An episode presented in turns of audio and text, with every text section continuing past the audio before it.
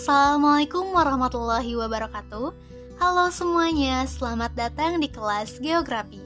Hari ini kita akan mempelajari mengenai wilayah dan tata ruang. Terlebih untuk topik bahasan konsep wilayah, klasifikasi wilayah, dan perwilayahan. Bahasan pertama yaitu mengenai konsep wilayah. Sebenarnya apa sih yang dimaksud dengan wilayah dan perwilayahan? Wilayah adalah bagian permukaan bumi yang memiliki batas dan ciri tersendiri berdasarkan lingkup pengamatan atas satu fenomena atau lebih. Sedangkan perwilayahan adalah penyusunan wilayah berdasarkan kedekatan, kemiripan, atau intensitas hubungan fungsional antara bagian yang satu dengan bagian yang lainnya.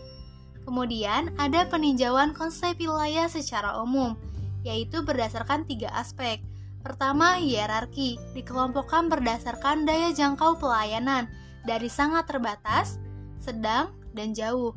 Kedua, berdasarkan kategori yaitu dibedakan menjadi wilayah bertopik tunggal, bertopik banyak, bertopik gabungan, total, dan campage.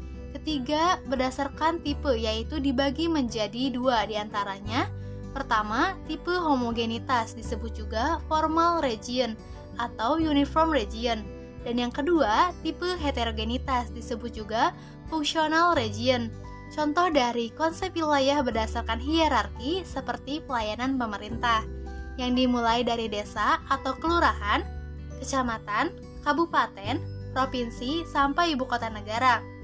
Contoh dari konsep wilayah berdasarkan kategori pertama, untuk wilayah bertopik tunggal, contohnya wilayah yang dibatasi oleh fenomena alam berupa curah hujan saja, Kedua, untuk wilayah bertopik banyak didasarkan beberapa topik yang berbeda.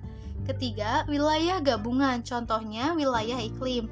Keempat, wilayah total, contohnya adalah wilayah administrasi desa, kecamatan, dan seterusnya. Kelima, wilayah campage, contohnya adalah wilayah perencanaan.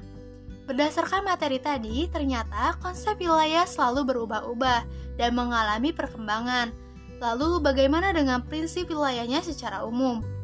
Untuk secara umum, konsep wilayah seperti mendasar pada tipe, yaitu pertama, formal region yang dititik beratkan sebagai suatu wilayah yang mempunyai ciri-ciri keseragaman, gejala internal yang membedakan wilayah yang bersangkutan dari wilayah lainnya serta bersifat statis.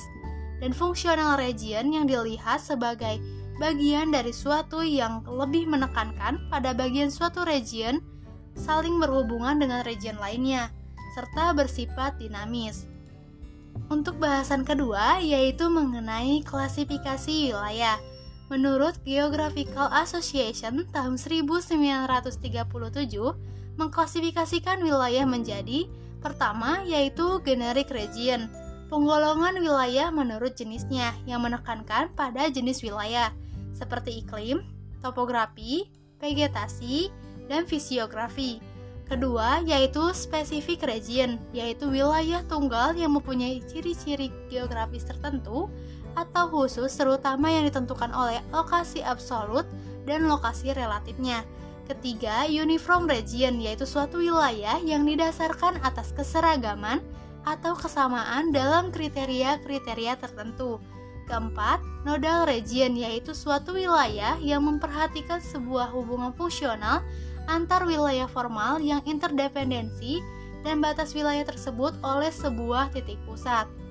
Bahasan ketiga mengenai perwilayahan. Sebenarnya apa sih manfaat dan tujuan dari perwilayahan? Pertama, menyebar dan meratakan pembangunan. Kedua, keserasian dan koordinasi pembangunan. Semua dilakukan agar menghindari pemusatan kegiatan pada suatu wilayah. Sekian untuk podcast hari ini mengenai wilayah dan tata ruang. Dan jangan lupa untuk mencari referensi lainnya. Terima kasih dan semoga berjumpa di lain waktu. Wassalamualaikum.